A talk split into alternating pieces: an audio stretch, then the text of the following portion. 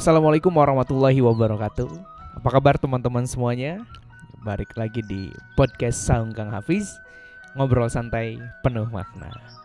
Teman-teman, balik lagi nih di episode selanjutnya, masih episode di masa pandemi dan juga pembahasan kita masih tentang di rumah saja, tentang berkarya di rumah dan juga belajar di rumah.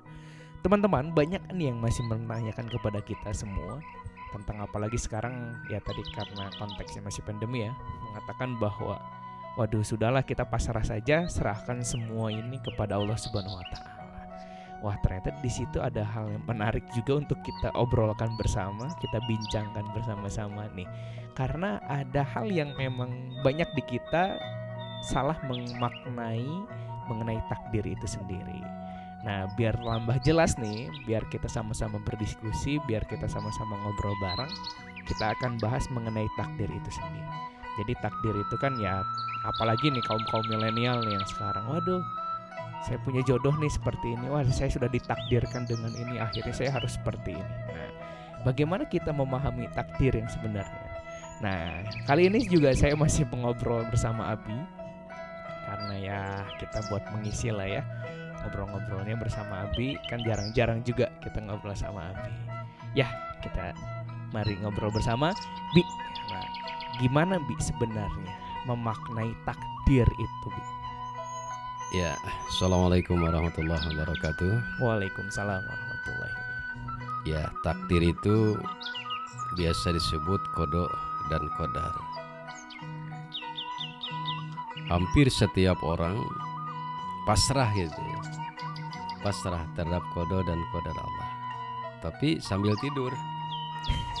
Itu gimana Bi ya kalau tidur mah memang diem pasrah ah, sama pasrah saja pada kodo dan kodar Allah Tidur aja. Kalau makan bagaimana? Ya tinggal makan. Terus dapat makanannya dari mana? Allah kan maha kasih, maha Ya kalau di zaman uh, Siti Maryam bisa saja. Ya Siti Maryam berada di mana? Di mihrab. Tatkala Nabi Zakaria datang melihat tidak ada makanan yang segar. Ditanya "Ah, dari mana nih makanan? Aina hadi kata Nabi Zakaria ada min indillah. Ini dari Allah. Semua makanan masih segar karena Siti Maryam disimpan oleh oleh Nabi Zakaria itu di di mihrab. Nah, mihrab itu adalah satu kamar di apa namanya Pak Imaran lah gitu ya masjid marbot ya kalau marbot ya. Kenapa seperti itu Siti Maryam tidak diurus oleh ayah bundanya? Ya ceritanya panjang sekali. Ya singkatnya begini. Tatkala Hana itu ibunya Siti Maryam itu. Tatkala hamil tuh nadar. Robi ini nadar tulaka mafibatni muharraran. Ya Allah aku janji janin yang ada dalam kandunganku akan kujadikan ya sebagai penjaga masjid Masjidil Aqsa. Nah ternyata begitu lahir anaknya perempuan.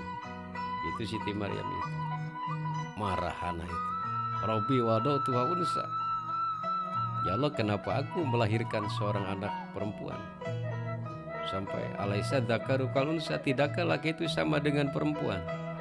Nah di sinilah kodok-kodar itu bisa dilihat. Subhanallah. Akhirnya ayahnya Imron tidak mengurus. Ibunya juga tidak mengurus. Ya diundilah Man yakpulu Maryam Siapa yang kira-kira bisa mengurus Siti Maryam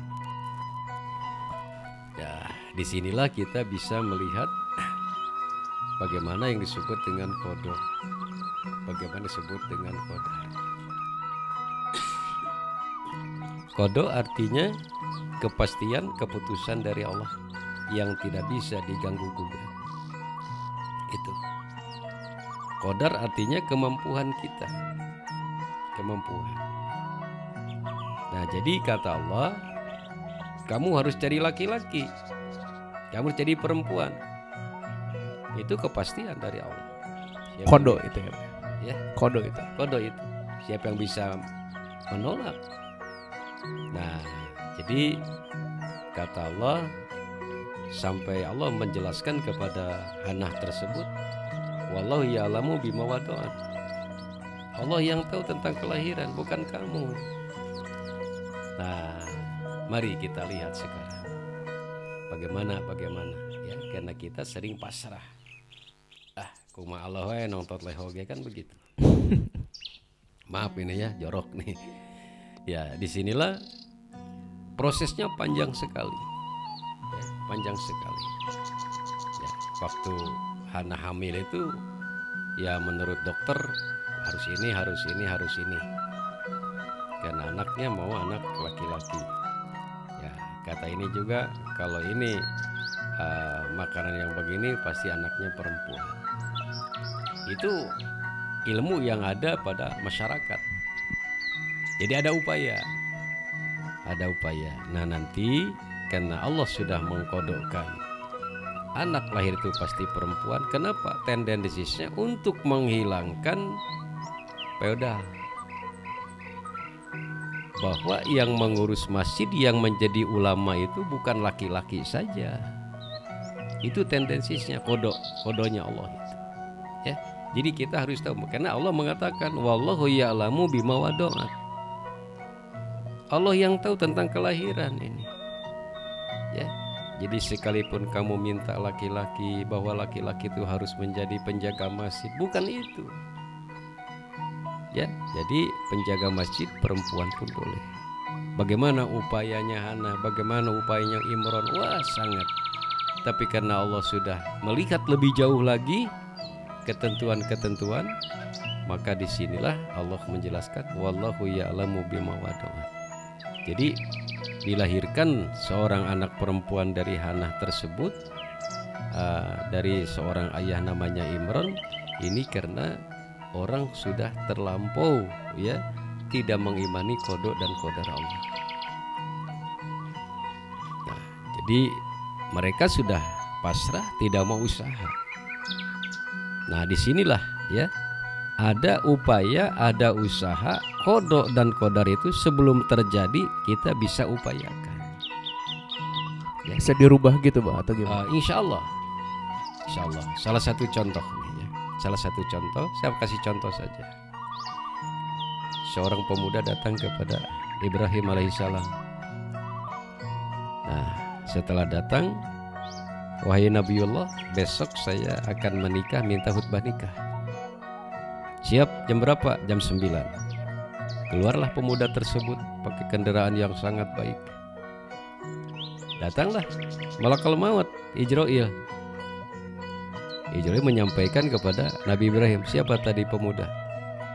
Oh itu yang akan nikah besok Kasih tahu sebelum jam 8 dia akan mati Saya malakal maut Malaikat Ya Ijroil Bagaimana memberitahukannya Nah ini ini kode kodar dari Allah, kode dari Allah.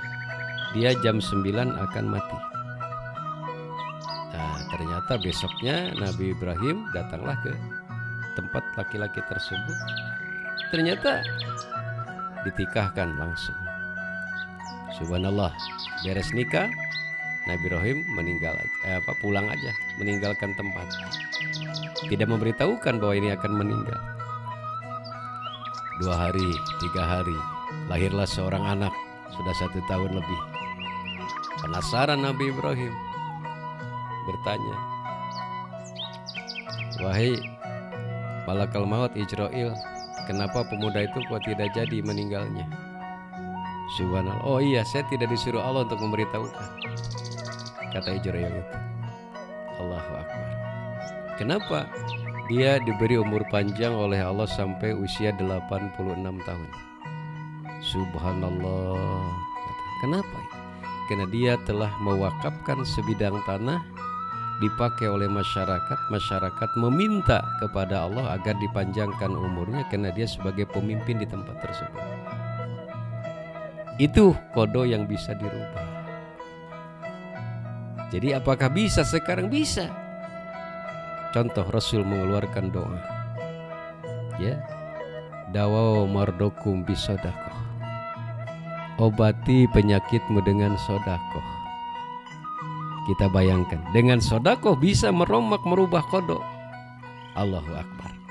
Berarti Allah Maha Rahman, Maha Rahim. Allah Maha tahu tentang keinginan. Ada upaya yang sangat keras, yang sangat baik. Nah itulah di antaranya sebut kodar. Kalau kodar artinya kemampuan. Kita tidak mampu dibakar, jangan coba-coba mau dibakar. Kita hamba Allah, bukan hamba setan. Kalau hamba setan mah kuat dibakar oleh api neraka. Jadi kodok seperti itu sudah ditentukan meninggal tanggal sekian jam sekian ya maka kata Ijroil tuh demikian tapi ternyata dikasih umur sampai 85 tahun itu ada perubahan berarti ada upaya ada usaha amal soleh yang bisa merubah merubah jadi jelas pasti ya wa may ya'mal mithqala dzarratin khairan yara wa may ya'mal mithqala dzarratin syarra jadi yang bisa meromak uh, kodok dari Allah itu sebelum terjadi adalah amal. Kalau tidak ada upaya tidak mungkin bisa. Yuk, upayakan kita supaya kita ya Allah kan sudah menentukan ya wala tamutunna ila wa antum muslimun. Jangan engkau mati kecuali muslim. Nah, itu berkaitan dengan dengan meninggal. Sekarang berkaitan dengan jodoh. Bisakah jodoh diupayakan? Bisa. Ya bisa silahkan kenapa? Karena hubungan manusia dengan manusia yang menentukan Allah. Kamu pasti akan punya jodoh tanggal sekian jam sekian pernikahannya. Titik. Siapa ya Allah? Minta silahkan usahakan. Istihoroh segala macam. Tidak tidak tidak apa pasrah saja tidak bisa diusahakan Allah memberikan tata cara sholat istihoroh Allah memberikan tata cara silaturahim Allah memberikan tata-tata cara ta'aruf dan segala macam itu adalah salah satu upaya untuk menjadikan supaya kita lebih baik. Tidak seperti yang dikatakan orang, ah, koma Allah kayak bakal datang. Jadi ada upaya amal solih yang bisa meromak merubah, bisa itu dirubah. Ya asal kita betul-betul mau gitu, mau. Tapi kalau kitanya hanya setengah tihang, ya asal-asalan itu tidak mungkin bisa.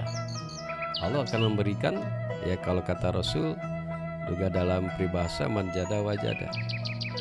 Siapa yang apa namanya mau pasti bisa. Sungguh, itu kira-kira. Oke Wi. Jadi kan tadi pada dasarnya bisa dirubah nah terus bagaimana kita menyikapi hal tersebut jadi sebenarnya ini ada nilai edukasi yang menarik sebenarnya yang diberikan Allah kan gitu ya. Yeah. Maksudnya adalah jadi kita ada setiap hal apa pun haruslah kita berusaha untuk menjadi lebih baik dulu lah gitu kan kira-kira gitu. Ya, betul, betul. Jadi ketika sudah walaupun Allah telah menentukan A gitu kan, tetapi kita bagaimana merubah A-nya itu menjadi A yang baik gitu kan, A plus gitu kan dan juga A minusnya sendiri. Nah lalu kita sebagai ya contoh lah sekarang sedang corona seperti ini kan gitu ya Bi Banyak orang senang Waduh kan nanti yang yang mematikan itu adalah Allah. Kan gitu mengatakan Allah. Ya sudah kita nggak usah inilah lakukan aja hal yang hal seperti hal biasa kan gitu. Nah hal yang seperti ini yang memang istilahnya bagaimana gitu pada ya udahlah ya memang kita ketahui bersama bahwa betul meninggal itu adalah Allah yang memutuskan kan gitu. Tapi ada nilai ikhtiar Nah, biar kita lebih paham bagaimana memaknai ikhtiar itu sendiri. Ya, kita harus paham bahwa Allah yang menentukan. Kamu mati adalah sesuai dengan perjanjian 4 bulan 10 hari dalam kandungan ibu. Yaitu pada hari Kamis tanggal sekian tahun sekian jam sekian. Cuma Allah pesen wala tamutuna ila wa muslim itu ya mati sudah pasti. Bisa nggak diusahakan seperti tadi? Ternyata dengan amal soleh dia diberi umur panjang. Yaitu di zaman Nabi Ibrahim. Sampai sekarang pun masih banyak seperti itu. Cuma kita tidak paham tidak mengetahui. Nah di zaman corona sekarang ini bukan kita pasrah apa namanya pasrah ikan gabus gitu ya. Ah kan wae nah itu ikan gabus kan solo goto istilahnya bukan seperti itu kita ada ikhtiat ihtiyat itu artinya kehati-hatian. Kalau Allah menjelaskan wala talku biaidikum ila tahluka. Jangan kamu bunuh diri melakukan sesuatu untuk bunuh diri. Nah, jadi sekarang sikap kita terhadap hal seperti itu adalah kita harus betul-betul disikapi dengan iman. Disikapi dengan takwa. Artinya bahwa keimanan begini, ketakwaan begini. Nah, kenapa? Karena Allah sudah menentukan dengan iman dan takwa apa yang kita inginkan bisa. Sebabnya karena di sinilah kita bisa melihat Innallaha yuhibbut tawabin wa yuhibbul mutatohirin. Allah sangat senang kepada orang yang istighfar. Artinya kita selalu pandai menempatkan diri pada posisi magfirah Allah. Begitu. Allah senang. Allah senang sekali kepada orang yang betul-betul bisa merubah sikap berada di dalam istighfar. Nah itu. Jadi kalau kita pemain bertobat kepada Allah, ya, insya Allah Taala karena kita bertobat kepada Allah senang. Innallaha yuhibbut tawabin. Jadi kita harus sekarang menyikapi bagaimana menghadapi semacam itu. Nah ini harus pakai ilmu. Jadi jangan seperti tadi ilatah luka. Artinya jangan sampai kita oh ini menurut pendapat saya gini gini gini artinya bunuh diri sebetulnya kita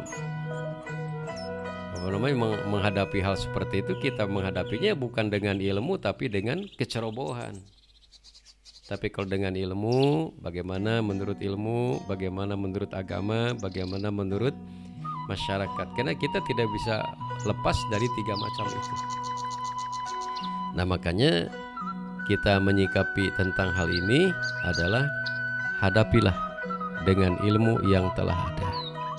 Lakukanlah ilmu yang sudah kita miliki dengan baik dan benar. Kalau kita sudah tahu ilmunya, lakukan. Kebanyakan orang yang melanggar ilmu sendiri. Ada yang pura-pura tidak tahu, ada orang yang tahu tapi apalagi tidak tidak mengamalkan Nah, saya yakin orang yang tahu ilmu tapi tidak mengamalkan akan kena. Gitu, ya. Bahwa umpamanya virus seperti itu akan datang kepada orang yang ceroboh. Mentang-mentang dia punya ilmu, umpamanya ceroboh, ah gini gini gini. Ingat, ilmu harus dipakai. Yaktipul ilmu bil amal, pain ajabu ila Sambut ilmu dengan amal. Kalau tidak pakai ilmu, tidak diamalkan ilmunya, tetap aja kodok kodar Allah akan datang tetapi dia telah termasuk bunuh diri gitu nah begitu adalah sementara. Tapi malah jadi yang berilmu malah so tahu jadi ya nah, itu ketika itu so tahu malah jadi kena gitu kan. Nah, itu, itulah di antaranya. Jadi ilmunya tidak dipakai.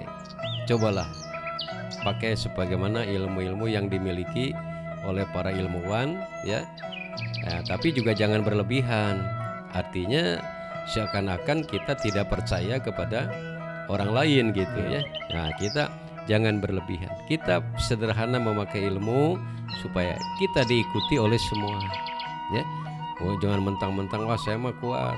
Ah, bagaimana Allah tidak akan memberikan kepada saya kodok kodok Allah itu sudah bisa di ini dihindari. Bukan begitu. Allah akan memberikan kepada orang yang mau. Mau selamat pakai ilmu kan gitu mau celaka di mana tuh ilmu disimpan coba katanya ilmuwan. Tapi ternyata kok ceroboh seperti itu. Sudah jelas ya dia itu ya apa namanya di tempat yang berbahaya kan? Karena Rasul pernah mengatakan anta ma'aman ahbabta. Kamu bersama orang yang kau cintai. Kamu bersama dengan apa yang kita dekat. Ya kalau kita umpamanya bersama tukang minyak tanah akan bau minyak tanah badan kita itu kalau kita dengan corona pasti akan kena kepada kita karena dekat ya. jadi dalam hal ini sudah jelas kita harus betul-betul berupaya dipakai ilmunya jadi jangan bunuh diri kalau bunuh diri ya ilmunya ditunda Untuk apa cari ilmu? Untuk apa cari tahu? Kalau sudah tahu dibiarkan. Rumah aing we cek bahasa kulon makan begitu. Itu tidak boleh. Ilmu pakai sekalipun sedikit. Ya, insya Allah akan bertambah, bertambah, bertambah barokah. Itu di antaranya. Gini Bi, lalu bagaimana gitu Bi kita mengimani takdir itu sendiri? Gitu. Apakah dengan seperti apa yang harus kita laksanakan kan gitu. Jadi iman mengimani takdir itu harus bisa melekat pada diri gitu lah kira-kira. Nah, gimana melekatkan cara mengimani takdir itu? Ya, karena itu termasuk rukun iman kan. Ya, rukun iman. Kalau kita lepas satu itu akan celaka.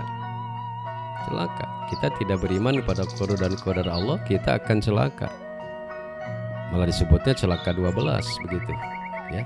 Nah, bagaimana sekarang mengikapi dan segala macamnya? Kita pahami bahwa Allah akan memberikan yang pasti. Umpamanya kematian.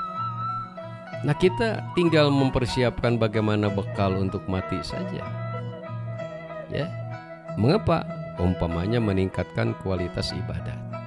Seperti Abu Bakar Siddiq sering menangis di hadapan Rasul, kenapa? Karena barangkali amal saya masih kurang untuk pesanan saya ingin di surga anu. Rasul jawab, "Oh tidak. Tidak.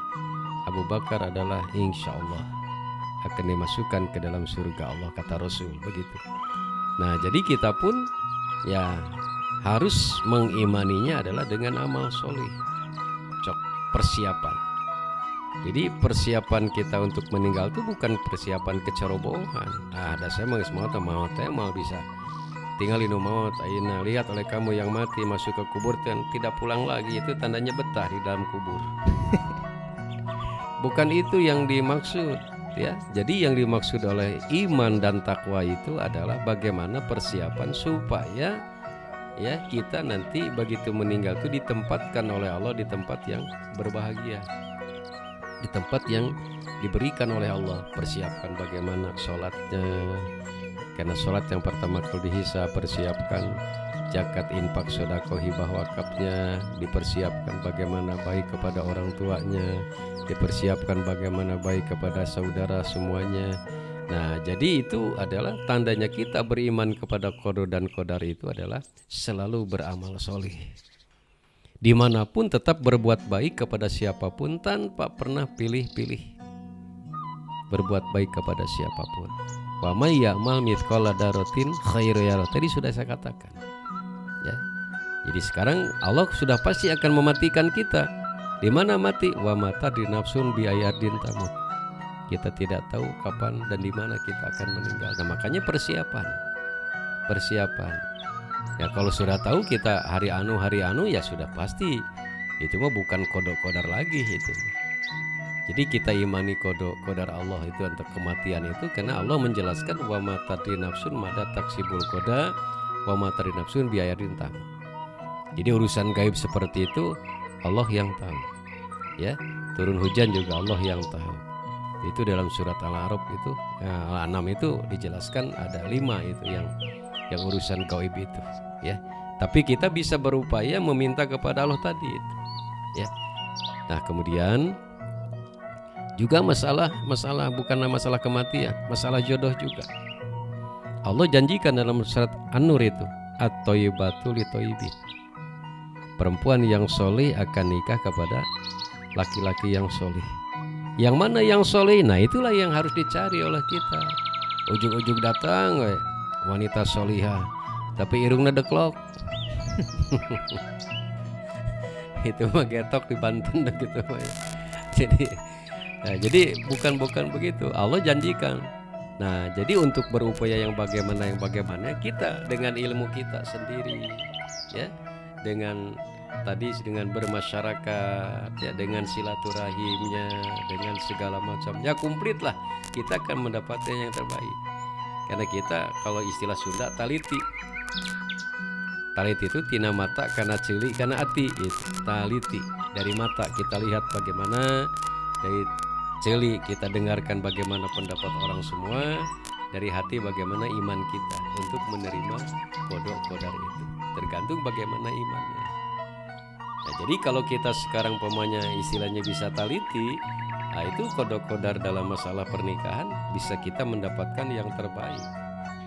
Kenapa? Karena dimusyawarahkan nanti bagaimana pendapat orang kan gitu.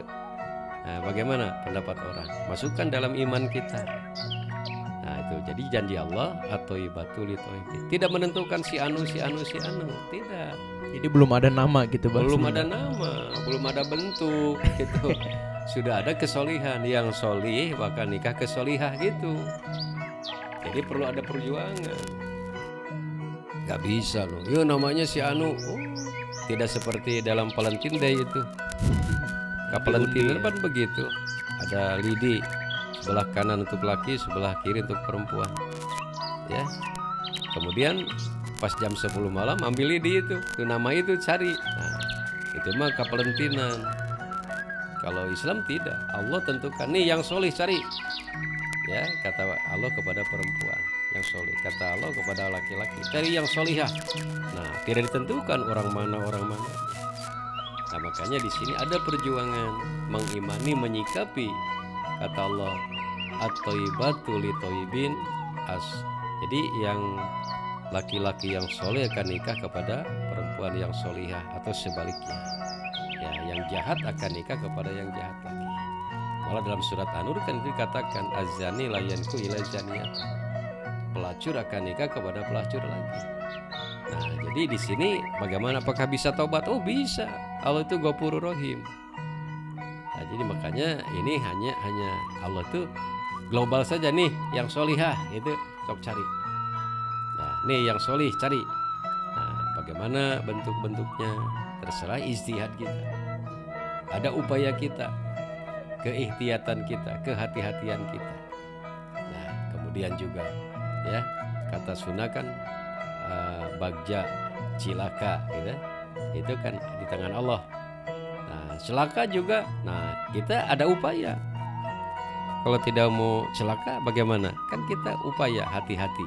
Naik kendaraannya hati-hati. Orang bisa saja celaka waktu jalan kaki juga kalau tidak hati-hati jalannya. Nah, jadi semuanya ada upaya menyikapi kodok kodar Allah ini.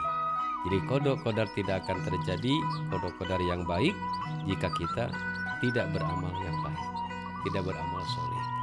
Jadi kodok kodar yang jelek akan kena kepada orang yang tidak mau memperhatikan perintah Allah dan contoh Rasulullah SAW. Gimana tuh? Oh gitu ya bi. ya. Oke jadi jelas sih sebenarnya kan pemah- eh, ya untuk kita cerna bersama-sama.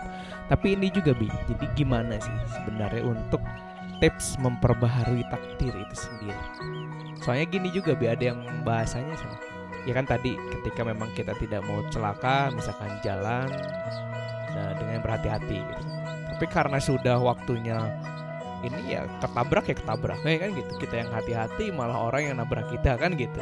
Oh ada yang atas takdir nah gitu kan gitu. Iya. oh ini udah takdirnya gitu. Apakah memang seperti itu? Terus juga yang selanjutnya misalkan wah kayak rumah tangga yang cerai misalkan ah dan ini sudah takdirnya udah pengen cerai kan gitu. Lalu juga anak wah ini anaknya seperti ini udah ditakdirkan anaknya begini. Padahal kan ada nilai edukasi dan lain-lain. Nah jadi sebenarnya tadi sudah kita bersama-sama memahami bagaimana mengimani kan gitu takdir. Nah bagaimana kita merubah gitu kan bahwa takdir itu selamanya tidak buruk kan gitu Bu Iya, nah betul. jadi takdir itu adalah sebenarnya takdir itu kalau bisa dikatakan ya baik semua kan gitu ya Iya. nah jadi bagaimana kita memperbaharui takdir itu bahwa takdir itu selamanya baik Itu berangkat dari ilmu. Dari ilmu pengalaman. Umpamanya pengalaman si A punya anak itu adalah C. Kenapa? Karena makan minumnya bukan dari barang yang halal umpamanya. Ternyata anaknya menjadi cibrut. Berarti menurut ilmu anak orang wanita yang dalam keadaan hamil jangan diberi makanan makanan yang haram. Nah, banyak sebetulnya kalau ingin mendapat ya baik ya dari awalnya titik awal pemberangkatannya harus jelas Nah, kita ingin mendapatkan anak yang soleh. Dan begitu diumumkan hamil seorang istri, maka nyatakanlah istri pensiun, jangan bekerja apa-apa. Sampai nyuci pakaian pun juga tidak boleh harus suami yang mencuci pakaian. Kenapa? Jangan sampai janin yang ada di dalam kandungan itu kena capek ibunya maka akan terjadi sesuatu. Nah, kemudian ada lagi usaha. Nah, kenapa kok lahirnya anu-anu-anu itu kena kecapean? Kecapean bagaimana dia diam? Capek itu bukan capek fisik, capek otak itu lebih lebih berbahaya sampai memikirkan cemburu sosial sampai memikirkan ABC termasuk harta kekayaan. Ya itu juga akan mempengaruhi, terhadap kelahiran itu. Nah itu ilmu. Nah coba kita mulus. Umpamanya kita membaca salah satu tuntunan tarbiyatul aulad bil Islam. Baca tuntunan. Oh, terus ada upaya. Begitu lahir mulus Nah, begitu nanti pendidikan anaknya juga mulus. Kenapa? Begitu anak lahir, marhaban biwasiati Rasulillahi sallallahu alaihi wasallam. Selamat datang wahai pewaris Rasul. Uh, diarahkan dari sejak lahir. Kita menanam pohon. Dibiarkan aja pohon bengkok. Kira tidak diurus. Begitu sudah gede pohon itu diluruskan patah. Begitu juga manusia. Dalam surat uh, Maryam itu ayat 59 kalau tidak salah. Baru manusia itu fahala pamim badim walaupun ada sholat. Setelah 52 tahun berumur maka orang tua akan menyadari anaknya sulit disuruh sholat. Sulit disuruh kebaikan. Mengapa? Karena tidak dididik dari Allah nah itu. Nah, jadi dalam hal ini ya kita mencoba ya untuk uh, menerobos hal seperti itu jadi jangan sampai ah daya mah guys kodok-kodok itu seperti kia. Ini orang hati-hati nabrak batur. Jangan ada suudon seperti itu. Ya. Kenapa? Karena kita umpamanya jalan nyebrang jalannya karena timingnya tidak tepat. Pas waktu kendaraannya lebih cepat sulit untuk di apa sulit untuk dihentikan maka terjadilah permasalahan. Terjadi tabrakan. Makanya jangan tergesa-gesa dalam segala macam. Ya al ajalatu minasyaitan tergesa-gesa dari syaitan. Al anatu minallah. Tenang tentram itu dari Allah Subhanahu wa taala. Jadi kalau ada yang mengatakan tadi ah ini sudah takdir Allah ya begitu nyebrang langsung tertabrak. Itu nyebrangnya tidak ada perhitungan coba kalau nyebrang jalannya ada perhitungan bahwa dari lihat kanan lihat kiri perhitungkan bagaimana cepatnya. Kenapa di tiap jalan ada stopan ada lampu merah lampu kuning lampu hijau. Itu karena ikhtiat kita harus betul-betul perhitungannya harus benar. Ya jangan jauh saja lah di kota kita mau nyebrang tidak ada stopan kan dipijit berbunyi langsung lampu merah berhentilah mobil semua itu. Di kota-kota besar itu begitu Nah, jadi semuanya sudah dipersiapkan. Allah menghendaki semua baik. Rasul menghendaki semuanya baik. Tapi kenapa terjadi tidak baik itu karena perhitungan manusia keliru. Perhitungan manusia adalah ceroboh. Perhitungan manusia tidak sampai pada perhitungan yang akurat. Nah, sok perhitungkan. Kalau mau nyebrang, lihat kanan, lihat kiri, perhitungkan kecepatan jalan kaki kita bagaimana. Nah, itu diperhitungkan. Kalau tidak bisa seperti itu minta tolong pada yang lain. Pak polisi tolong seberangkan saya. Insya Allah. Insya Allah. Jadi ada upaya, ada upaya. Insya Allah.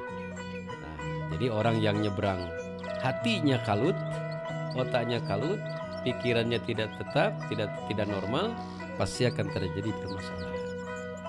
Makanya uh, kita harus betul-betul yang disebut wakor tenang, tentram, ke mana pun kita jalan, di mana pun kita tenang. Kalau tergesa-gesa jangan diharapkan, ya, jangan diharapkan akan mendapatkan yang terbaik. Ya, umpamanya kita tergesa-gesa tapi betul-betul kita adalah sangat hati-hati, itu juga boleh silakan. Karena kebiasaan nervous mungkin ya, gerung gusus segala macam. Nah gini Bi, sekarang gimana membedakan atau istilahnya menyikapi nih ketika kita sudah ikhtiar tadi seperti tadi kan gitu. Nah, kita pasrahkan kan semuanya kepada Allah kan gitu. Kita sudah tadi sudah berikhtiar kan gitu. Jadi kan tadi kita ketahui bahwa takdir itu ada kita bisa rubah kan gitu ya. Nah, setelah kita rubah bahwa sesungguhnya kan ada orang yang mengakapi bahwa sudahlah takdir itu pasrah. Oh, ternyata kita sudah paham sekarang bahwa kita itu harus berikhtiar kan gitu ya untuk memperbaiki takdir itu sendiri. Nah, lalu yang selanjutnya gimana setelah kita ikhtiar kan ada bahasa gitu. Baru pasrahkan biar Allah yang menentukan. Nah, dalam konteks pasrahnya ini seperti apa? Ya, pasrahnya kita setelah sobar. Setelah sabar. Ya, jadi sobar itu adalah bertahan melaksanakan aturan, bertahan meninggalkan yang jelek.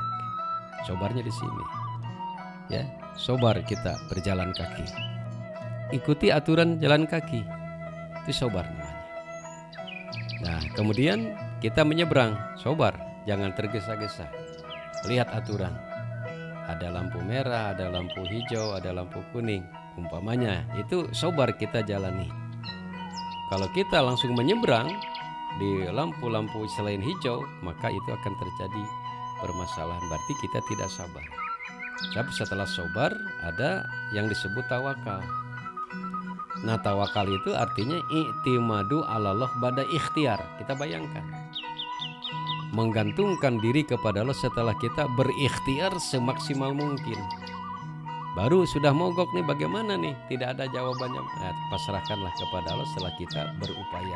Pasti Allah akan memberikan yang terbaik. Nah, jadi tidak ada ada sobar dulu. Sobar kita melaksanakan dulu perintahnya. Bagaimana aturan-aturan ilmunya gitu ya. Ini menurut ilmu begini. Ya. Ya, kamu harus pakai masker umpamanya ini ya, pakai masker. Itu ilmu. Ikuti. Kenapa? Jangankan dengan virus-virus seperti itu dengan kebul asap hitam saja dari truk itu kan. Langsung kita naik motor, kita tidak pakai apa namanya masker, aduh langsung itu asap hitam itu kita serap langsung bisa terjadi penyakit begitu. Nah jadi jelas sekarang sobar dulu melaksanakan ilmu ya.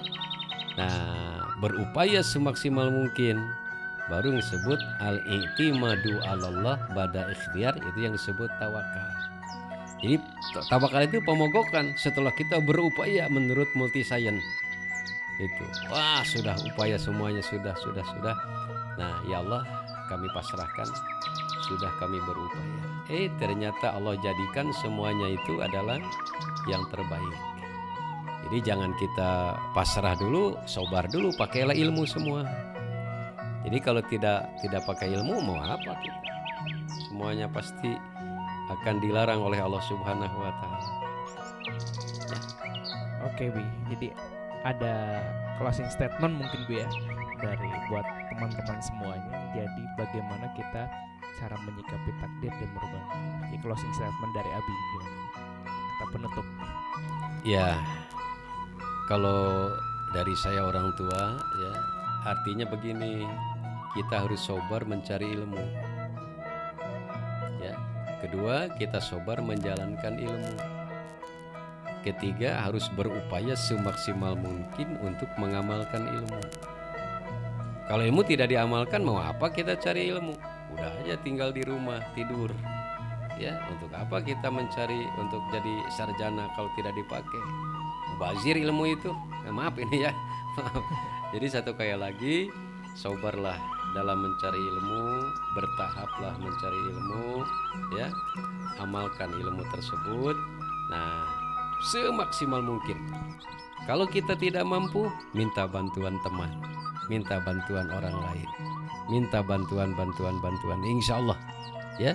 Kalau kita berniat baik, niat ikhlas, kita berupaya semaksimal mungkin, semua akan menolong kita. Allah melalui si A, Allah melalui si B akan memberikan pertolongan. Insya Allah tidak akan kita lepas dari pertolongan yang lain karena kita hidup kita syukriyah minta bantuan dosen, minta bantuan teman, minta bantuan rektor dan segala macam. Insya Allah kita bisa menjadi orang yang sukses. Iktimadu Allah pada ikhtiar. Ya, artinya cobalah kita berupaya semaksimal mungkin, sobar melaksanakan ilmunya, sobar meninggalkan yang akan mengganggu ilmu. Itu terutama para pelajar mahasiswa banyak yang mengganggu ilmunya itu. kadang-kadang orang-orang ngajak yuk pusal pusal padahal lagi belajar begitu ya jadi yang terakhir uh, sobarlah ya melaksanakan mencari ilmu mengamalkan ilmu tawakallah dalam berupaya segala macamnya Allah pasti akan memberikan yang terbaik demikian sementara Oke, terima kasih banyak Bi. Kita sudah ngobrol-ngobrol dengan banyak sekali ilmu yang kita dapatkan bahwa sebenarnya tadi takdir itu bukanlah cara mengimani takdir itu bukanlah dengan pasrah apa adanya, tetapi dengan kita berupaya menjadi lebih baik, dengan kita berupaya berikhtiar untuk menghasilkan yang terbaik itu adalah cara mengimani takdir yang sebenarnya. Nah, itulah oleh karena itu mari kita tentukan takdir baik kita oleh kita sendiri dengan kita berperilaku baik, dengan kita beramal soleh dengan baik. Terima kasih teman-teman semuanya yang masih setia mendengarkan podcast Songkang Hafiz. Terima kasih, jangan lupa tetap di podcast Saung Kang Hafiz. Assalamualaikum warahmatullahi wabarakatuh.